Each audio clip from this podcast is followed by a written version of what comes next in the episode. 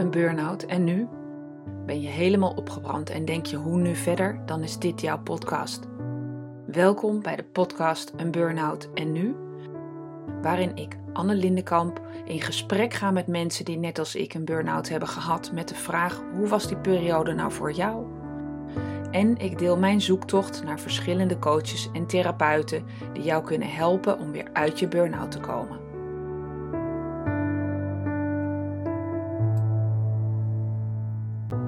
In de reeks gesprekken met mensen die zelf een burn-out hebben ervaren, een gesprek met Jantine. Jantine werkte als ouderenarts toen ze een burn-out kreeg.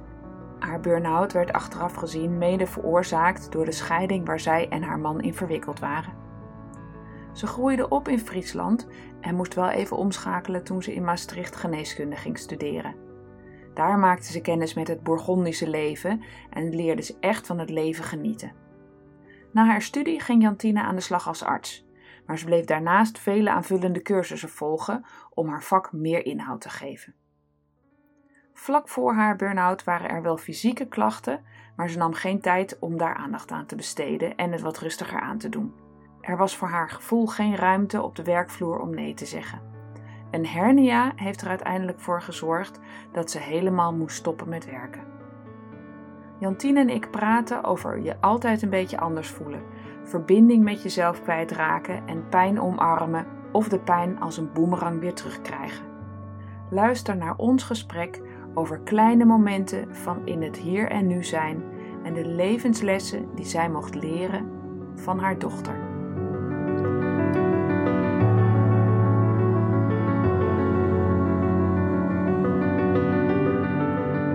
Welkom nieuwe podcast Een Burnout en Nu. En vandaag praat ik met Jantien. Welkom. Uh, dankjewel, uh, Anne. Heel fijn hier te zijn. Ja, ik ging net zeggen, fijn dat je in de podcast wil zijn.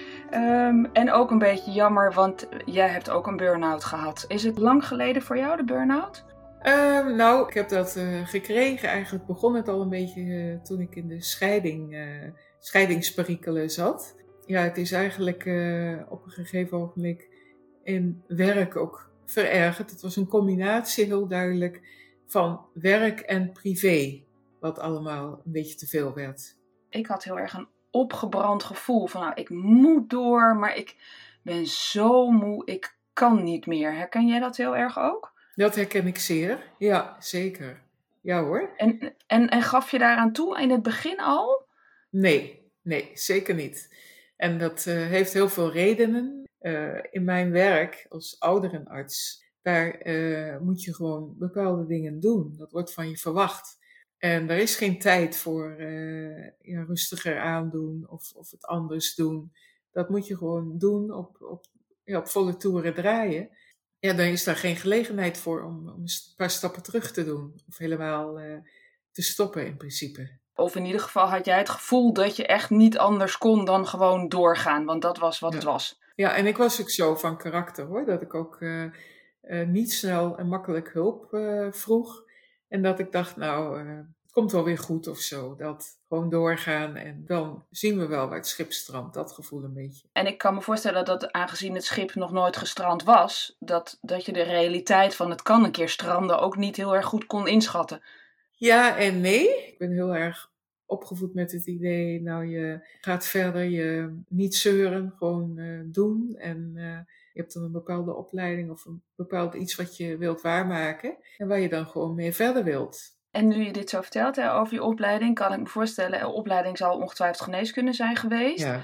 Um, kan ik me ook voorstellen dat je uh, vanuit geneeskunde heel erg ik heb die ervaring niet als geneeskundestudent, dus ik weet het niet. Mhm. Maar ik, ik stel me dat dan zo voor dat dat heel erg gericht is op het uh, genezen van wat je voor je krijgt.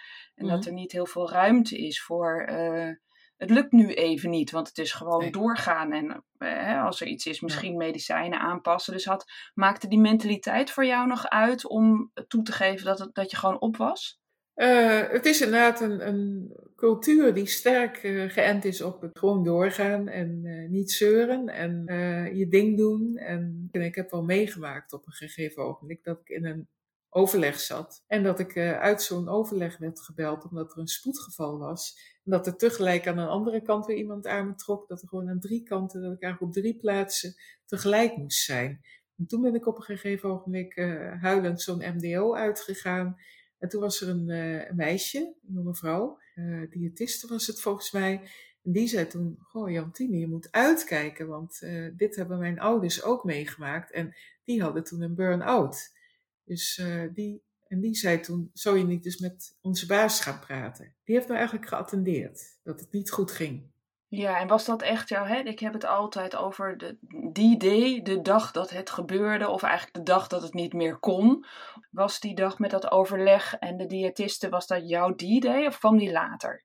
Nou, mijn echte D-day kwam eigenlijk later, want uh, ik heb toen wel gesprekken gekregen met mijn baas en er werden wat dingen aangepast in mijn workload. En uh, nou ja, het bleek zelfs dat het toen nog niet eens goed ging. Toen ik een afdeling minder kreeg en uh, het bleef gewoon uh, lastig. En toen heeft het zover moeten komen. Ik ging toen op vakantie met mijn dochter en met een vriendin en haar kinderen. En toen ben ik daar, uh, ja, heb ik heel veel klachten gekregen van mijn rug. Dat bleek later een hernia te zijn. En toen ben ik echt uitgevallen.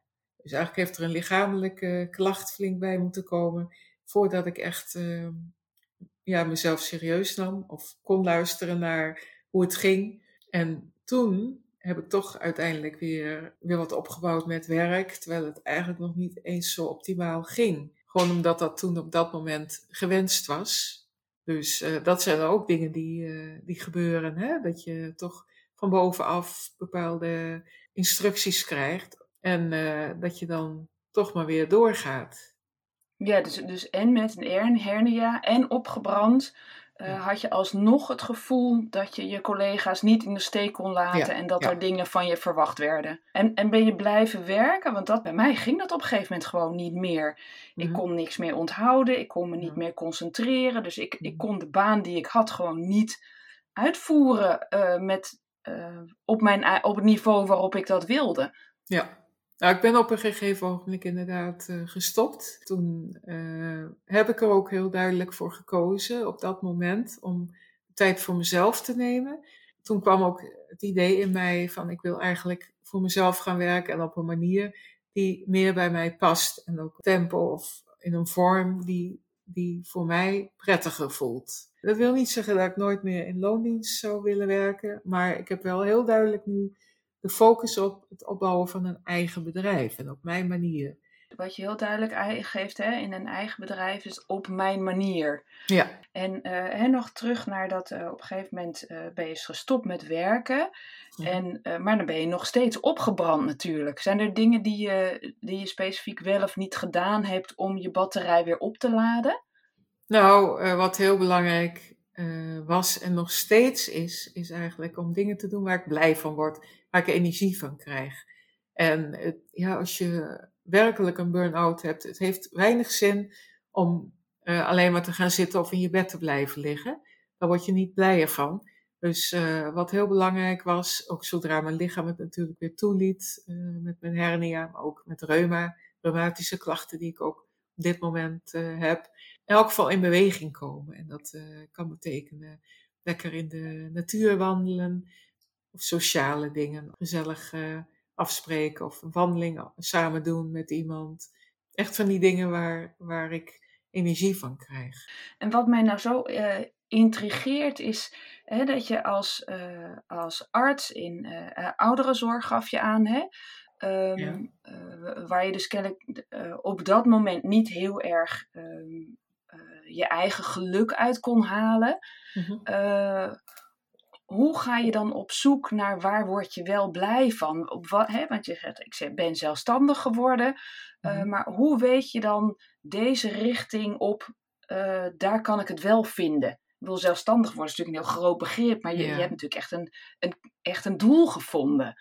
Ja, dat is eigenlijk een proces geweest, ook door coaching uh, in online trainingen heb ik dat uh, ja, meer gevonden eigenlijk, die weg. Ja, ik kan me voorstellen, hè, ik heb zelf natuurlijk ook zo'n uh, zo'n switch gemaakt.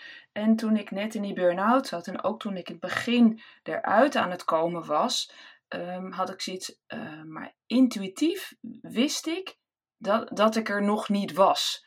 En dat was aan de ene kant heel goed, want dan wist ik, oké, ik heb dus ergens iets van gevoel of intuïtie. Maar ik vond het ook extreem frustrerend dat ik dacht, ja, maar die intuïtie wil ik sturen. Want ik ben natuurlijk, ik ben gewend om, uh, hè, als er iets is, dan is er dus een probleem. Dat ga je analyseren, dat los je dan op en dan is daar dus de oplossing. Maar met mijn intuïtie en mijn gevoel ging dat niet.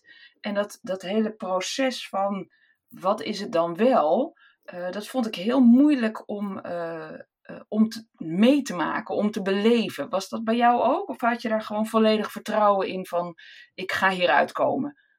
Nou, ik ben altijd wel een optimist geweest. Dus ik heb zeker ben ik erin blijven geloven dat er een uitweg zou komen of een duidelijke weg. Maar ik, ik ben nog steeds er wel mee bezig van hoe fine-tune ik het, hoe ga ik het daadwerkelijk inzetten. Dat is nog steeds een proces eigenlijk waar ik mee doende ben. En uh, ja, daar heb ik wel elke keer weer mensen op mijn pad gekregen die me daar weer een stuk in uh, de weg in wezen, waardoor het me helder werd wat echt bij mij past en wat ik, ik wil gaan neerzetten en wat ook mijn goud zo gezegd is. Waar ik blij van word en wat ik ook wil uitdragen naar mensen. Ja, je, geeft, je, je zegt heel mooi van nou, ik heb, ik heb gezien wat er op mijn pad kwam. Uh, want dat, dus het zien wat er op je pad kwam, dat heeft onder andere voor de uh, veranderingen gezorgd. Dat heeft daaraan bijgedragen dat je dacht, oh, dit kan ook. Ja, ja, het is wel heel grappig. Ik was op een gegeven ogenblik, voordat ik die burn-out uh, verschijnselen kreeg, was ik op een, op een symposium. En toen heb ik al bepaalde vragen aan mezelf gesteld. Van word ik eigenlijk wel blij van waar ik mee bezig ben? En toen moest ik bij mezelf erkennen dat dat niet het geval was. Dat ik eigenlijk uh, niet echt blij werd van waar ik mee bezig was. En dat ik me ook afvroeg van ga ik dit tot mijn 67ste of nog langer volhouden? Dat zag ik eigenlijk niet zo zitten. Daar ik niet blij van. En dan probeer je te vinden in, in ja, de dingen naast het werk. Maar het is wel heel triest als je uh, met dingen, met iets bezig bent uh, waar je van merkt dat je er eigenlijk uh, heel veel energie op verliest en dan eigenlijk bijna geen energie meer over hebt om dan nog de dingen te doen waar je wel blij van wordt. Dat waren eigenlijk al de voortekenen, hè, dat er al iets niet goed zat. Ja, en, en ik kan me voorstellen dat je dan ook best geconfronteerd wordt met ik heb ooit deze keuze gemaakt, ik doe nu deze baan, dus dit is waar ik goed in ben. Maar eigenlijk is het niet mijn droombaan. En ik kan me voorstellen dat je dat nou ook een beetje klem zit. Je schrikt daarvan, ja. Ik schrok wel. Ik had op een gegeven moment ook, dat was ook heel sterk. Toen kreeg ik een uh, droom. En uh, in die droom werd mij verteld: jij gaat uh, stoppen als arts. En ja, toen werd ik wakker en het voelde zo reëel. En dacht ik: wat is dit voor flauwekul? Waar slaat dit op? En inmiddels ben ik er wel achter dat het niet zozeer is stoppen als arts, maar wel de manier waarop ik werkte. Dus ik ben meer dan mijn artsenopleiding. En tegelijk uh, helpt dat mij en ondersteunt dat mij om mensen nog beter te kunnen helpen eigenlijk. Omdat ik zoveel heb gezien. Ja, dus eigenlijk de, de, realisatie van, en, en ook wat die droom je een beetje bracht, heeft je echt uh, meer, je noemt net uh, op zoek naar mijn goud, dus heeft je dat goud mm. doen vinden. Ja, niet in eerste instantie, want ik heb eerst wel helemaal oud moeten gaan. Hè? Maar het heeft me wel uh, een stuk bevestiging gegeven van, oh ja, inderdaad, dat heb ik toen al eigenlijk waargenomen, dat het niet klopte waar ik mee bezig was. Dat dat voor mij niet uh, uiteindelijk mijn weg zal zijn waar ik in wil blijven. Ja, wel een mooi inzicht. Daar, uh, mm. ik, moet je, ik zeg, voor mij was het wel heel erg. Um, ik vond het naar mezelf toe heel moeilijk om toe te geven dat wat, waar ik voor was opgeleid en waar ik goed in was, mm -hmm. dat dat het op dat moment niet meer was. Ja, dat. Uh, daar heb ik echt wel even over gedaan. Had jij ook zoiets? Vergelijkbaar, ja. Ja, ik heb wel uiteindelijk, vind ik nu een modus erin, waardoor ik uh, de kwaliteiten die ik heb geleerd in mijn opleidingen en in mijn vele cursussen die ik ook al door de jaren heen al heb gedaan, om die toch te kunnen gebruiken. Een soort integratie eigenlijk. Het gek is, ik heb al toen ik in de twintig was, had ik al het gevoel van ik ga integreren. Want ik had voor mijn geneeskundeopleiding had ik een opleiding tot natuurgenezer gedaan. En toen ik daarmee bezig was, dacht ik al, ja, ik kan nou twee dingen doen. Ik kan uh, me verder specialiseren in de natuurgeneeskunde, want het was echt een hele basisopleiding waar ik nog niet zoveel mee kon eigenlijk. Ik had ook het gevoel, ik heb nog heel weinig levenservaring. Ik wil eerst eens wat meer van uh, genieten van het leven en dingen zien en meemaken, voordat ik uh, ja, serieus met mensen aan de slag kan. Dat gevoel had ik toen al, toen ik in de twintig was. En toen heb ik wel die opleiding afgemaakt. Ben al gaan loten in de geneeskunde toen al. Ik wil geneeskunde gaan doen, ik wil meer erkenning, ik wil meer uh, integratie van alles. En dat, toen had ik wel het gevoel, in eerste instantie, nou ik ga geneeskunde doen. Ik weet nog niet eens of ik het ga afmaken. En dan ga ik dat allemaal integreren. Maar toen ben ik toch uiteindelijk in het reguliere circuit terechtgekomen. Dan heb ik jarenlang dus gewerkt als ouderenarts. En uh, nou, daar ook heel lang me toch wel redelijk comfortabel in gevoeld. Bij tijden ook wel eens wat minder comfortabel hoor. Dat ik ook dacht, is dit het nou? Hè? Want ik voelde me toch altijd een beetje anders dan mijn andere collega's. Ook door mijn achtergrond nou wel een beetje. En um, in die zin uh, paste ik nooit helemaal in die mal. Dat voelde ik al tijdens mijn opleiding tot ouderenarts. Dat ik dacht, ja, past die witte jas mij eigenlijk wel echt? Hè, dat uh, voelde ik toen al. Maar toch daarmee doorgegaan en toch jarenlang daar ook heel veel ervaringen op gedaan. Tijdens mijn studie ook hele leuke ervaringen opgedaan. Maar gewoon het leven geproefd en daar ook van genoten op een bepaalde manier. Ik zat dan in Maastricht. Nou, daar heb je een heel andere cultuur dan als je. Ik was dan in Friesland opgegroeid. Nou, dan kom je een beetje in dat. Uh, uh, Bourgondische terecht. Nou, ik had van mijn leven eigenlijk amper nog een terrasje gepikt. Daar was ik gewoon niet mee opgevoed. En daar was het heel normaal als je dan met een groep uh, mensen afsprak op een terras en daar een uh, eentje ging drinken. Dat soort dingen. Hè? Dat, uh, dat heb ik daar echt geleerd in Maastricht. Hey, en je zegt van je had die natuurgeneeskunde. Heb je die na, je, na het afronden van je oudere arts, heb je dat nog weer opgepikt? Of nu gecombineerd met, met waar je nu mee bezig bent? Nou, ik heb wel tijdens mijn studie geneeskunde, maar ook um, ja, eigenlijk al toen ik aan het werk was, heb ik altijd wel een aantal cursussen ben ik blijven doen. Reiki gedaan, 1 en 2. Ik heb een bepaalde meditatievorm geleerd. Uh, omdat ik altijd interesse heb gehouden wel voor uh, verder kijken dan je neus lang is. Dus dat is wel heel waardevol. Dat ik echt breder kan inzetten wat dat betreft. Dan alleen maar, nou ja, alleen maar. Ik heb natuurlijk al heel veel kennis en kunde ook medisch-ethische problematiek. En uh, omdat ik niet als behandelaar, maar dus eigenlijk overstijgend als uh, arts ook kan kijken naar dingen. Ja, en, en kan je met die nieuwe, met, met die nieuwe blik, je noemt het overstijgend, breder kijken dan, dan alleen het arts zijn. Mm-hmm. Uh, hè, ik neem aan dat je ook bedoelt, je ziet de, de hele mens, niet alleen ja. het stuk wat defect is. Um, of als proces. Maar kan je ook met die kennis terugkijken naar je eigen burn-out? Jazeker, ja hoor. Daar, uh, maar ik kan wel zeggen dat uiteindelijk moet je het wel allemaal zelf doen. Dat is wel zo.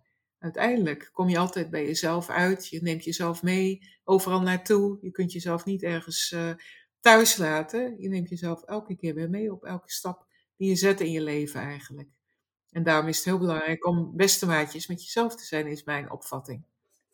Ja, want ik heb in de tijd dat ik het heel erg druk had, dus in de aanloop van mijn uh, echte burn-out, dat het echt niet meer kon, heb ik wel vreselijk veel pogingen gedaan om mezelf thuis te laten. Dat was wel makkelijker. Ja, ja dat is wel uh, inderdaad iets waar wij mensen uh, toe geneigd zijn. En ik merk dat zelf ook als je pijn hebt of verdriet, wil je eigenlijk liever het parkeren en gewoon uh, verder gaan. Maar dat is dus juist funest. Ja.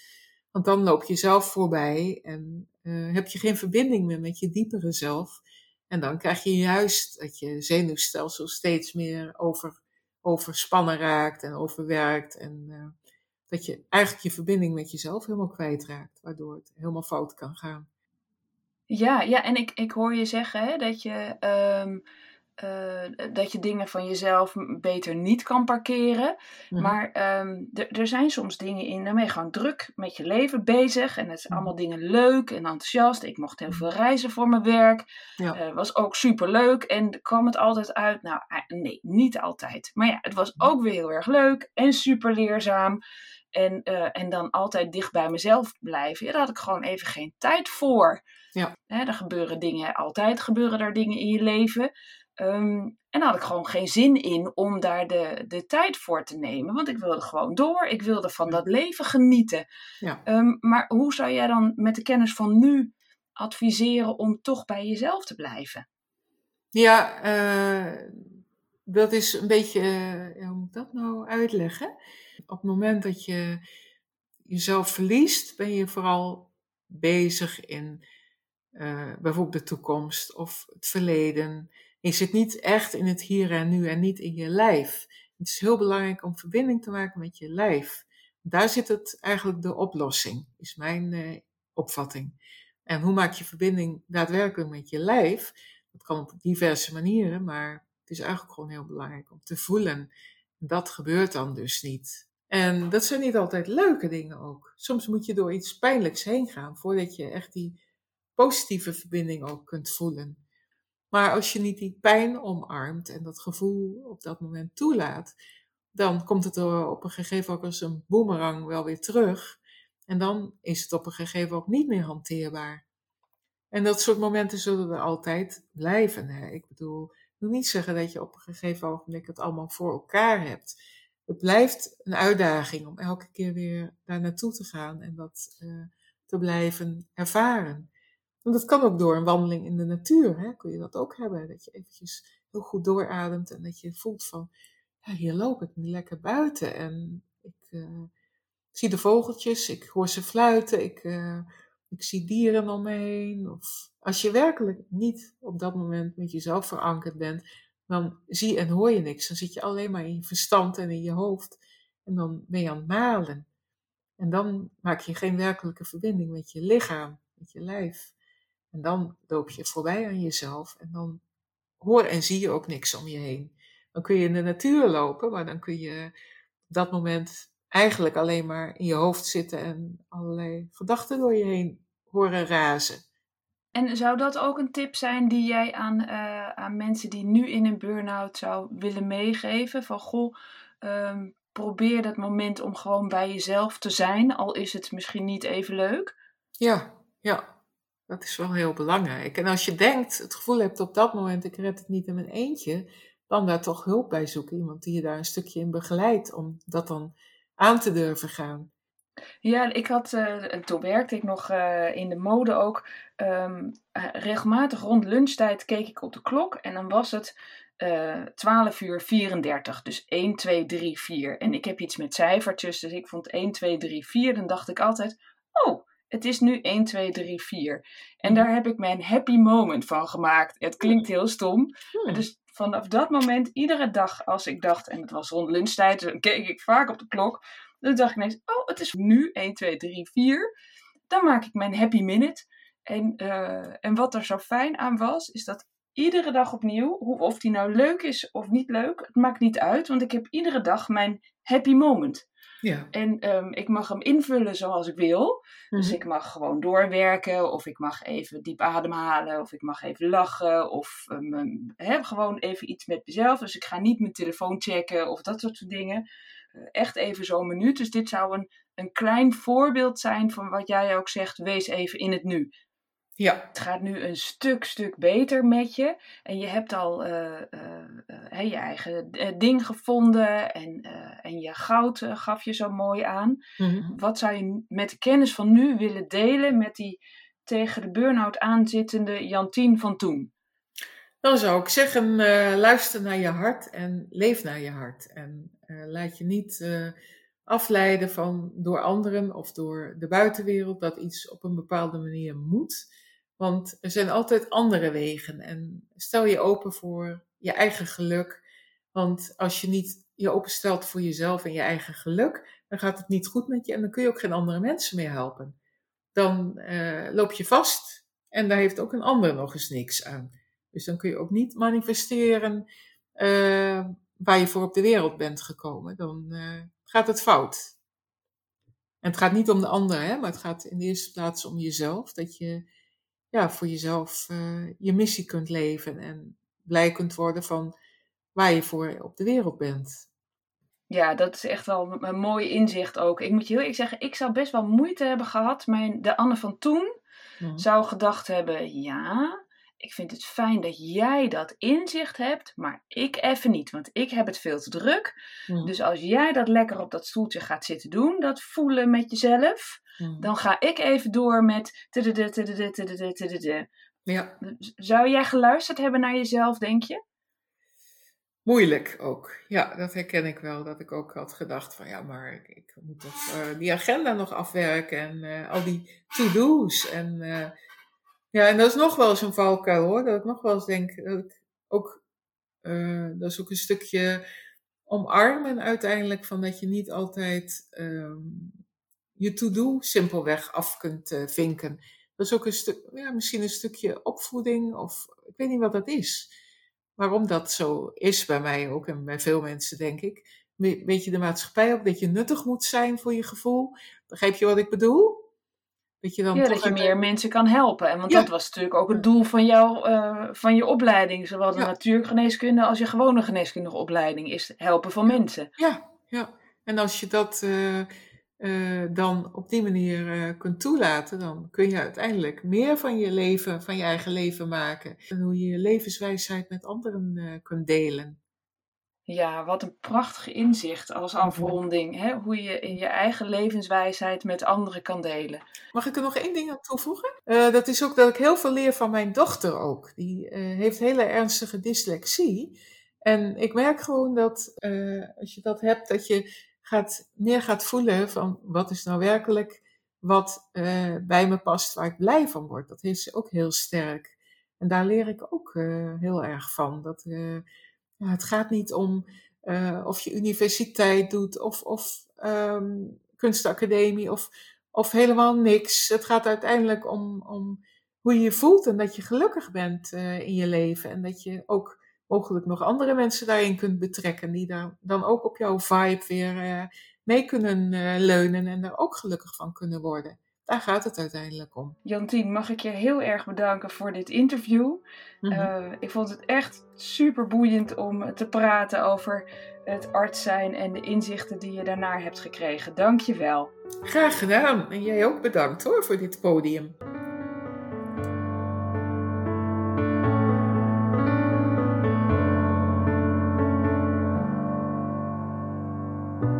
Dit is alweer het einde van de podcast Een Burnout en Nu.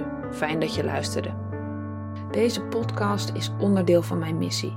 Ik help graag zoveel mogelijk mensen bij het zetten van die eerste stap van herstel als je helemaal bent opgebrand. Wil jij ervaren hoe ik jou kan helpen? Maak dan een afspraak op de website eenburnoutennu.nl. Daar kan je ook mijn gratis e-book downloaden met 11 tips voor meer energie. Weet jij een bijzonder persoon of een bijzondere therapie die anderen zou kunnen helpen bij hun herstel? Laat het me weten. Je kan me vinden op Facebook of Insta onder Anne Lindenkamp en stuur me dan direct een DM of ga even naar de website eenburnoutennu.nl slash contact.